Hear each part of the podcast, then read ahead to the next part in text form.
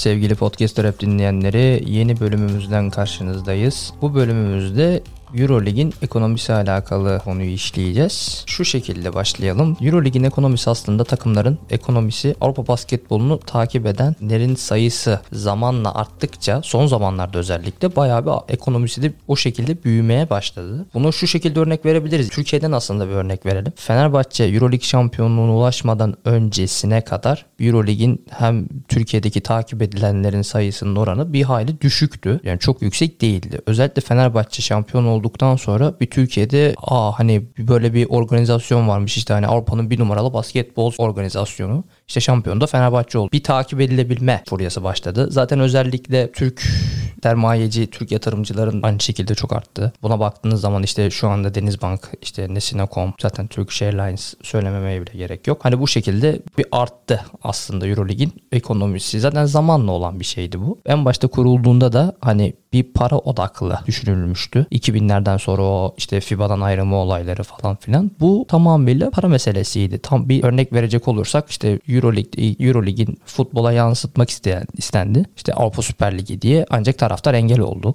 Başarısız oldu. Ancak basketbolda bu nereden baksanız bir 21-21 sene önce yapılmıştı ve başarılı oldu aslında. Şu anda gerçekten de çok iyi bir organizasyon yürütüyor. Özellikle İspanyollar. Şimdi baktığımız zaman insanların hani dilinde para meselesi şu son işte Fenerbahçe şampiyon olduktan sonra en son Anadolu Efes de aynı şekilde şampiyon olduktan sonra bir sürekli bir dile gelmeye başladı. Yani şu şekilde şeffaflık zaten oldukça az. Ariyetten ekstradan şöyle bir şey oldu. Hani dendi ki bu para nasıl geliyor? Nasıl kazanılıyor? Özellikle hani ya hani bu takımlar kendi paralarını nasıl çıkarıyor? Yani para kazanıyorsun evet ama hani senin takımındaki bir oyuncunun maaşı kadar etmiyor. Şampiyon olsan dahi. Hani mesela Fenerbahçe şampiyon olduğunda çok bunun meselesi yapıldı. E nasıl yapıldı? Dendi ki ya bu adam şampiyon oldu. Evet Fenerbahçe şampiyon oldu. Ama Yan Veseli'nin belki de maaşının bir yani çıktı. Sadece o adamın maaşı çıktı. Geri kalan takımın maaşı işte gideri o su bu su şu su. Hani şöyle söylendi. Dediler ki bu adam, bu takım ne kazandı? Fenerbahçe ne kazandı? Hani külliyen zarar. Nereden baksanız hani birçok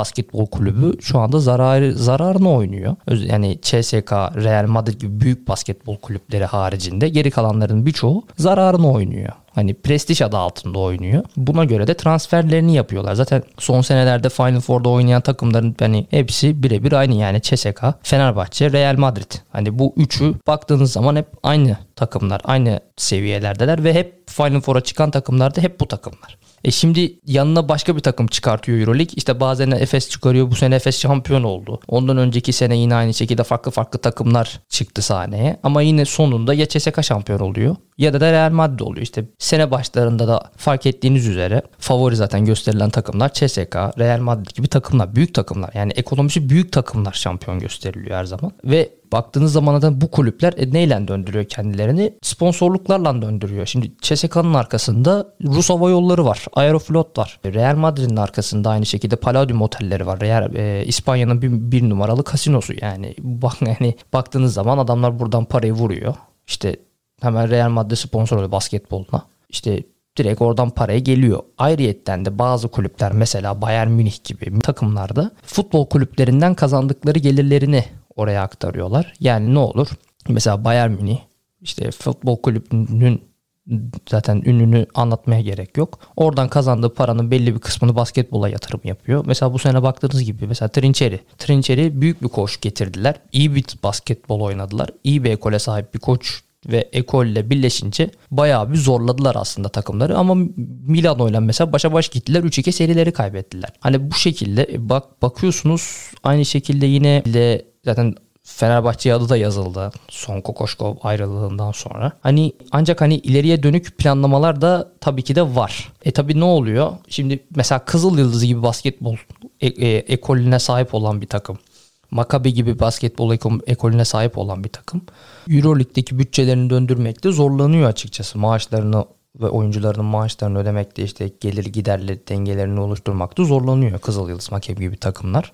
Yani basketbol ekolüne sahip özellikle mesela Olympiakos, Panathinaikos gibi takımlar zorlanıyorlar. Zaten A lisansına sahip olan 12 tane takım şu anda ayrılmayı da düşünüyor Euroleague'den. İşte sebeplerini de direkt ekonomik sebepler olarak sunuyorlar. Forbes'un bir makalesi yayınlandı geçen sene. Orada şu şekilde söylendi. Bundan yaklaşık bir 5 sene sonra yani 2026 senesi gibi şu anda kazanılan paranın yaklaşık iki katı kazanılacak. Ekonomisi büyüyecek Eurolig'in ekonomisi. E şimdi hal böyle olunca o 12 takım bu sefer de çıkmak istemiyor. Çünkü o 12 tane A lisansla sahip olan takım çıktığı zaman yine aynı şekilde bir Eurolig'in bundan 20 sene önceki haline dönecekler. Büyük sponsorlar bulmaya çalışacaklar. En başta zorlanacaklar. Ayrılıklar içerisinde ayrılıklar olmaya devam edecek ki bu da çok çok zarar verir. İşte Euroleague yönetimi de aslında o takımların ayrılabileceğini düşündüğünden dolayı da böyle bir hamleler yapmaya çalışıyor. Çünkü pastanın büyük bir kısmı İspanyollara kalıyor. Şimdi İspanyollar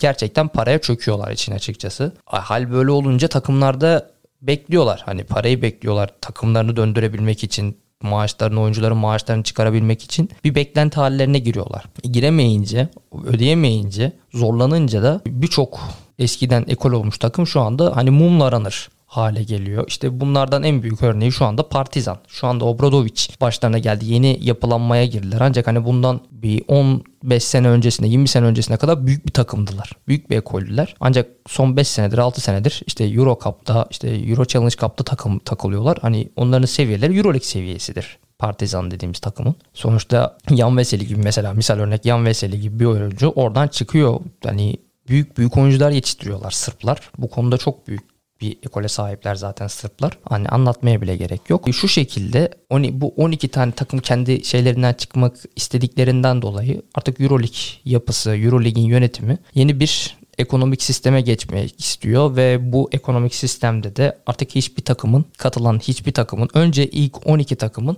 yaklaşık bir 3-4 sene sonra da geriye kalan takımların asla kolay kolay zarar etmeyeceği, artı hale gelebileceği, kâra geçebileceği artık mesela Bayern Münih gibi Real Madrid gibi takımların da aynı şekilde futbol takımlarındaki ekstra parayı artık basketbol şubesine aktarmadan rahat bir şekilde Euro Lig'deki gelen parayla kendilerini döndürebilecekleri bir yapıya hale geliyor şu anda aslında önümüzdeki senelerde bunları rahat bir şekilde göreceğiz. Bugünlük bu bölümden bu kadar. Dinlediğiniz için çok teşekkür ederim. Hayatta ve kendinize çok iyi bakın.